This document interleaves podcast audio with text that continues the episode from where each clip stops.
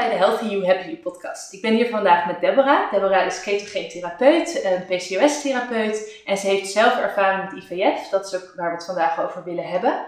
Wie ben je? Ik ben Deborah, ik ben 32 jaar, donderdag 33. Ja. Ehm, ik ben getrouwd, ik heb twee kindjes, een jongen en een meisje van 2 en 5. En ik ben als opleiding kinderverpleegkundige. Uh, ik werk nu nog in, in Maastricht, eh, MUMC, op de kinderafdeling. Uh, sinds een jaar nu. En ik ben twee jaar geleden met het ketogeen dieet begonnen. Eigenlijk puur voor het afvallen via mijn zus.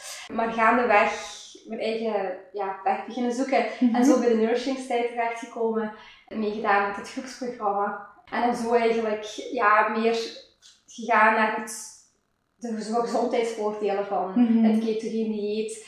Ja, dus het is eigenlijk als afvallen begonnen. Ja. In ieder geval je ervaring met ketogeen. Maar laten we nog even wat verder teruggaan naar je kinderwens en hoe dat toen ging. Ja. Toen ik mijn man leerde kennen, wisten we beiden dat wij drager waren van thalassemie. Dat is een genetische uh, bloedarmoede eigenlijk. Mhm. En zo zijn we te weten gekomen dat als we het beide hebben, dat het eigenlijk gevaarlijk is voor ja, effectief een, een kindje te krijgen die die ziekte dan eigenlijk heeft. En hebben ze ons toen gezegd dat als we dat hoorden, dat we dat via IVF moesten mhm. doen. Of een van de dingen was dan via IVF. En zo ben ik bij IVF dan terechtgekomen. En uh, dat is dan een, een hele weg geweest, want dan moet je testen gaan doen. En dat gaat dan ook, ook als je dan, je embryo's worden eigenlijk getest. Dus dat wordt eigenlijk allemaal, uh, duurt lang en, en dat duurde lang, dus dat is een proces waar veel tijd overheen gaat. Ja, ja. Wat doet dat dan ook mentaal met je? Veel veel. Want intussen zijn er mensen rondom je heen die zwanger worden mhm. en alles gaat vooruit. En bij velen, wat velen denken is, oh ik wil een kindje, dus ik begin eraan en volgende maand ben ik zwanger. Maar dat is absoluut niet. Bij, niet bij iedereen is dat zo. En dat was dan ja, bij mij ook. En dan die mensen van nu zwanger worden en alles gaat. En ja, dan, dat doet mentaal heel veel. Mm er zijn bepaalde dingen waar je liever niet naartoe gaat, of dingen wat je liever niet ziet, en daar krijg je dan allemaal gevoelens rond, en dan voel je je schuldig, want je wilt wel blij zijn voor de anderen. Maar dat, ja, dat is moeilijk wel. Uh, Dus dat was wel iets wat mentaal heel, ja, heel erg wel, hmm. op mij woog. Want hoe lang heeft het uiteindelijk geduurd? Uiteindelijk mag ik nog niet klagen als ik vele anderen hoor, hmm. maar een jaar heeft het, nu, toen ik ben met begin van echt IVF en het zwanger worden was drie jaar. Ja. Want het effectieve traject met, met het spuiten en de medicatie en alles is een jaar geweest. Ja, maar dus eigenlijk van oké, de kinderwens is er na daadwerkelijk zwanger zijn, dat was dus drie jaar. Ja. Dus dat is echt wel een lange periode. Ja. ja. En je zegt al van oké, dus het, eh, het spuiten, want hoe, hoe gaat dat precies, zo'n IVF-traject? Ja, dan moet je eerst, ja, wordt je helemaal onderzocht. Bloedwaardes wordt onderzocht. Ja, alles wordt eigenlijk onder de loep genomen. Ja. En, en dan moet je starten eigenlijk met je eitjes te produceren. Ja. En dan gaan ze die weghalen en dan wordt het bevrucht. En dan bij het traject dat ik heb moeten doen, dan worden ze, nadat ze bevrucht zijn, worden ze nog getest. Ja. En dan gaan ze diepvriezen. Op dus die afwijking ja, in jouw geval. Ja. ja. En dan gaan ze diepvriezen en dan ongeveer een maand later mij krijg je dan te horen van oké, zoveel zijn er ziek, zoveel mm kunnen er gebruikt worden en niet. En dan moet je je baarmoeder eigenlijk gaan klaarmaken op zwanger worden. Dus wat iemand gewoon natuurlijk gebeurt van oké, je krijgt een ijsprong, je baarmoeder ja, bouwt op en dan kan je uiteindelijk zwanger worden. Mhm. Dat wordt dan je kan het natuurlijk doen, dus dat je je ijsprong afwacht en alles, maar bij mij was het dan moeilijker, want ik, mijn cyclus was voor mijn eerste zwangerschap heel onregelmatig Ah, dus dat speelde wel ook. Ja. Dus dat was eigenlijk niet de reden waarom je IVF hebt gedaan, maar je had wel dus ook een onregelmatige dat cyclus. Dat had ik ook, ja. Voor mijn ah. eerste zwangerschap had ik ook een onregelmatige Dus dat maakt het ook nog wel lastiger. Ja, ja, want dan moet je medicatie gaan nemen en dan moet je wachten tot je baarmoederslijm dik genoeg is en dan ik ging dan ook naar Leuven, dus van Genk naar Leuven was dan ook telkens een afstand. Dus dat heeft dan ook wel wat gewogen. En dan uiteindelijk, als die baarmoeder dan klaar is, dan word je gaan voor terugplaatsing. En dan is nog eens twee weken wachten als je dan zwanger bent of niet. En als je dan een telefoontje krijgt dat het niet gelukt is, mm ook al weet je de eerste keer, meestal lukt het ook bij iemand anders die natuurlijk zwanger raakt. Dat je ook niet van de eerste keer zwanger is, maar toch kwam die klap heel hard aan, de eerste keer. Ja. En dan, zeker omdat je natuurlijk al zo'n periode daaraan vooraf gegaan bent. Dus ja. het is inderdaad wat je zegt, weet je, als je op een natuurlijke manier zwanger kan worden en denkt van oké, dan is misschien niet de eerste maand, maar de tweede. Maar als je al twee jaar bezig bent. Ja, ja dus dat was een heel harde klap. En dan ook omdat ik op dat moment geen ja, geen embryo's meer had. Ik had er maar één, de eerste poging. Wist dat ik alles opnieuw moest beginnen. Dus terug het spuiten, terug het wachten, terug, ja, wachten, wachten, wachten. Ja. Ik eens wachten. Ja. Heel wachten. En spannend afwachten.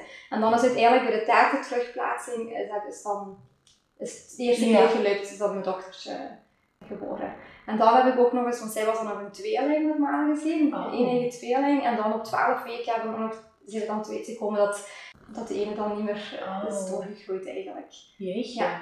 Dus het is wel gewoon echt een, ja, een heel emotioneel, heftig proces geweest. Ja, het is echt een rollercoaster geweest. Van zwanger zijn dan uiteindelijk, dan een bloeding gehad, doorgekregen dat het een tweeling was, dus blij met een tweeling. En dan toch met de twaalf weken echt gewoon toch doorgekregen dat er toch maar eentje was. Eh, ja. Dat was moeilijk, ja. ja. En uiteindelijk gelukkig is wel alles echt goed gegaan en heb je een gezonde dochter.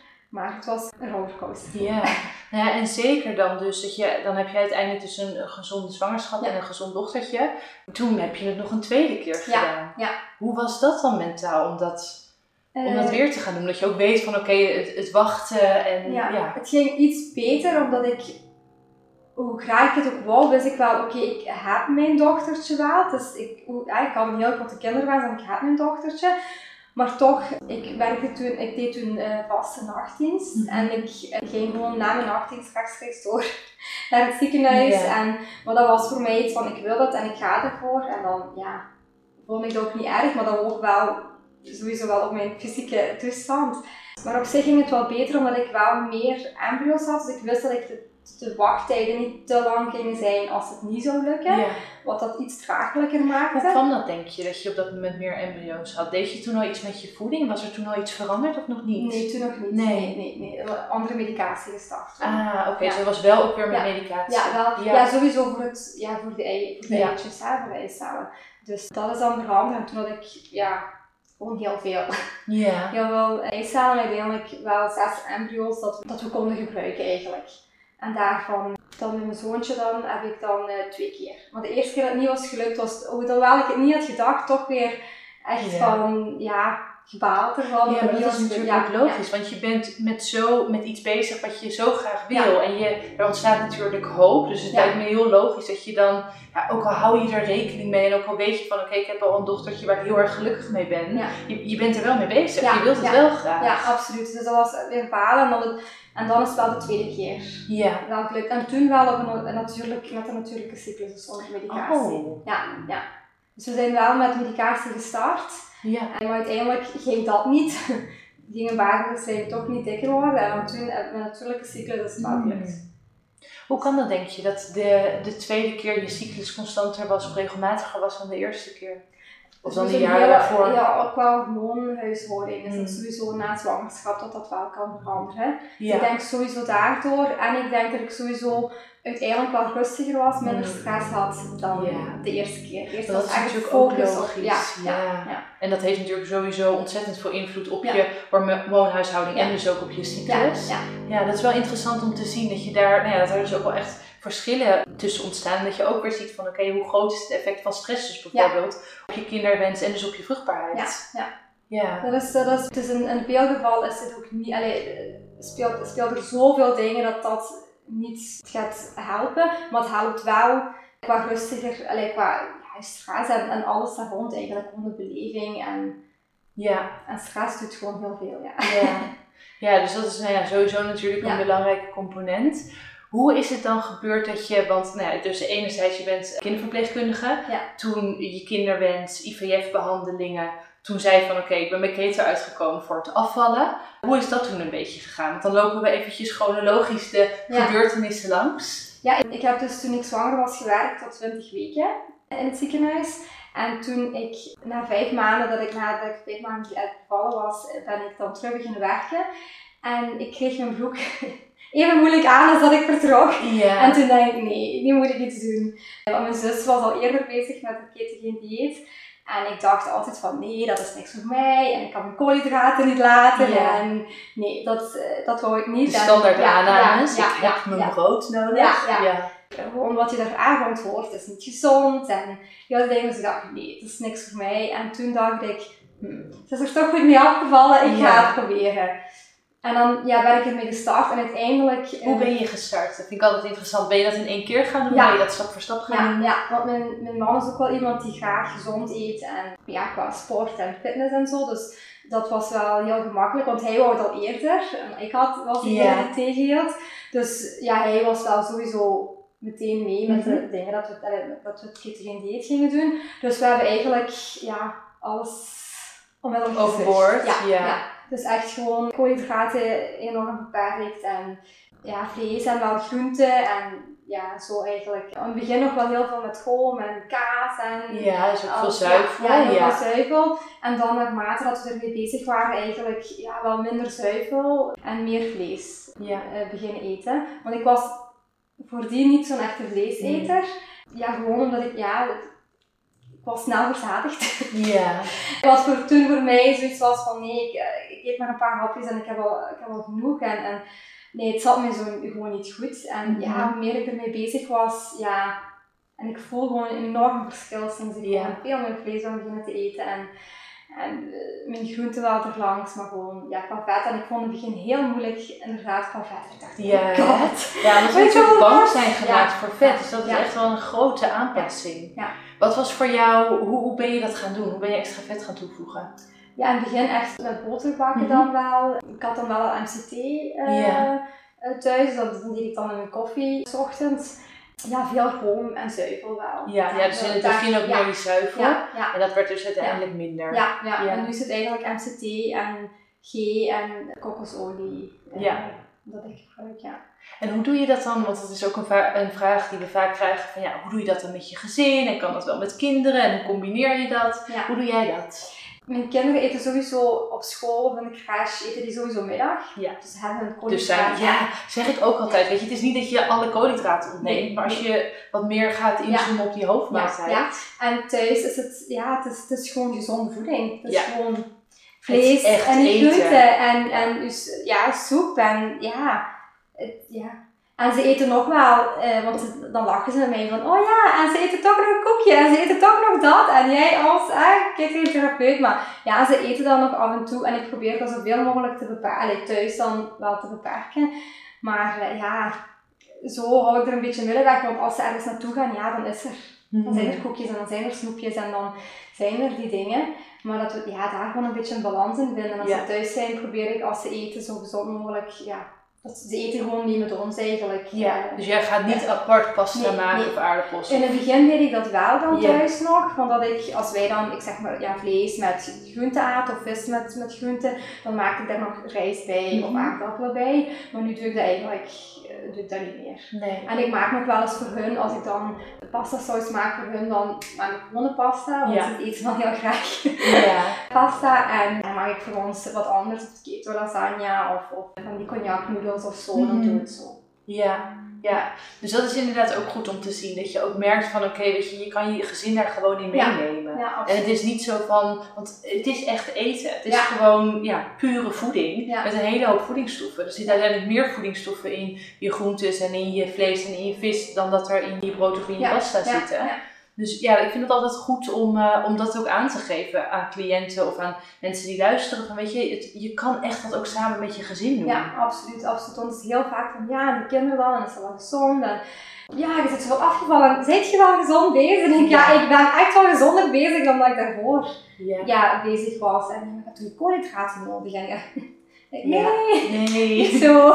Nee, Ja. maar dat is ja, voor veel mensen ook gewoon een bepaald proces. Weet je, dat merk ik ook. Dat het ook tijd kost, omdat het zo haakt staat Ja. op alle ideeën die we hebben. Dus dan is het vaak, nou ja, en het kost tijd van oké, kan ik me daarin vinden? Wil ik daar wat mee? Voordat je nieuwsgierig wordt. Maar je ziet dat als mensen het gaan proberen, de, res- de resultaten liggen er gewoon ja, nee, dat is ook. Toch? Dus dan is het zo duidelijk. Was dat voor jou dan ook de bevestiging die je nodig had van oké, ik, ben, ik ben goed bezig, het gaat goed? ja, je gewichtsverlies? Ja, ja.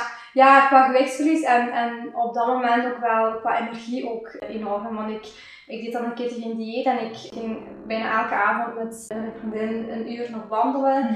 En dan deed ik nog wat krachttraining erbij en zo. En ja, dat, dat, dat ging, gewoon, Ja. ging gewoon allemaal. Hoe was dat daarvoor dan?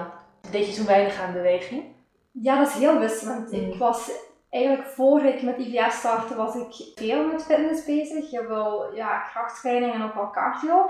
En dan ja, met IVF begonnen. En dan op dat moment gaat dat gewoon niet meer. Want de eerstokken worden zo zwaar dat je gewoon niks, niks kunt doen. En dan ja, zit je zo voorzichtig van, oh, nu wil ik dit Ja. niet doen. En Ja. heel, je- zolang je met IVF bezig bent, is, draait heel je leven rond IVF. Alles wordt van aangepast. Waar het je naartoe gaat, wat het je doet, wat het je... Ja, alles. En, eh, dus toen is dat eigenlijk geminderd en ben ik er eigenlijk niet meer echt mee gestart. En dan heb ik nog wel zo periodes geprobeerd van terug te gaan en dan telkens, ja, je gaat dan eens twee keer. En dan zijn er weer weken die er voorbij gaan en dan is het eigenlijk zo heel, heel op en af. Ja, heel. Ja, ja. Dus merkte je dan ook dat ketogeen de eerste stap was en dat beweging daarna kwam? Dat je ook voelde dat daar ruimte voor ontstond? Ja, ja, dat is eigenlijk een beetje samengegaan dat het wel gewoon ging. En er was ook gewoon tijd maken en dacht van oké, dit is nu ook mijn ontspanning, wat voor mij niet altijd even gemakkelijk is. Ja. Dus dat, ja, beide, het ging eigenlijk beide, beide een beetje gelijk op. wel. Ja. Ja, en je zei al van oké, dus begonnen met puur willen afvallen, maar Ja. toen is het richting de gezondheidsvoordelen gegaan. Ja. Wanneer kwam die switch? ja, met zelf een beetje te gaan zoeken van over het ketogene dieet dan, van oké, wat, wat kan ik eten? En eigenlijk zo een beetje te gaan zoeken. En dan ja, zit je van oké, het, het draait echt niet alleen om afvallen.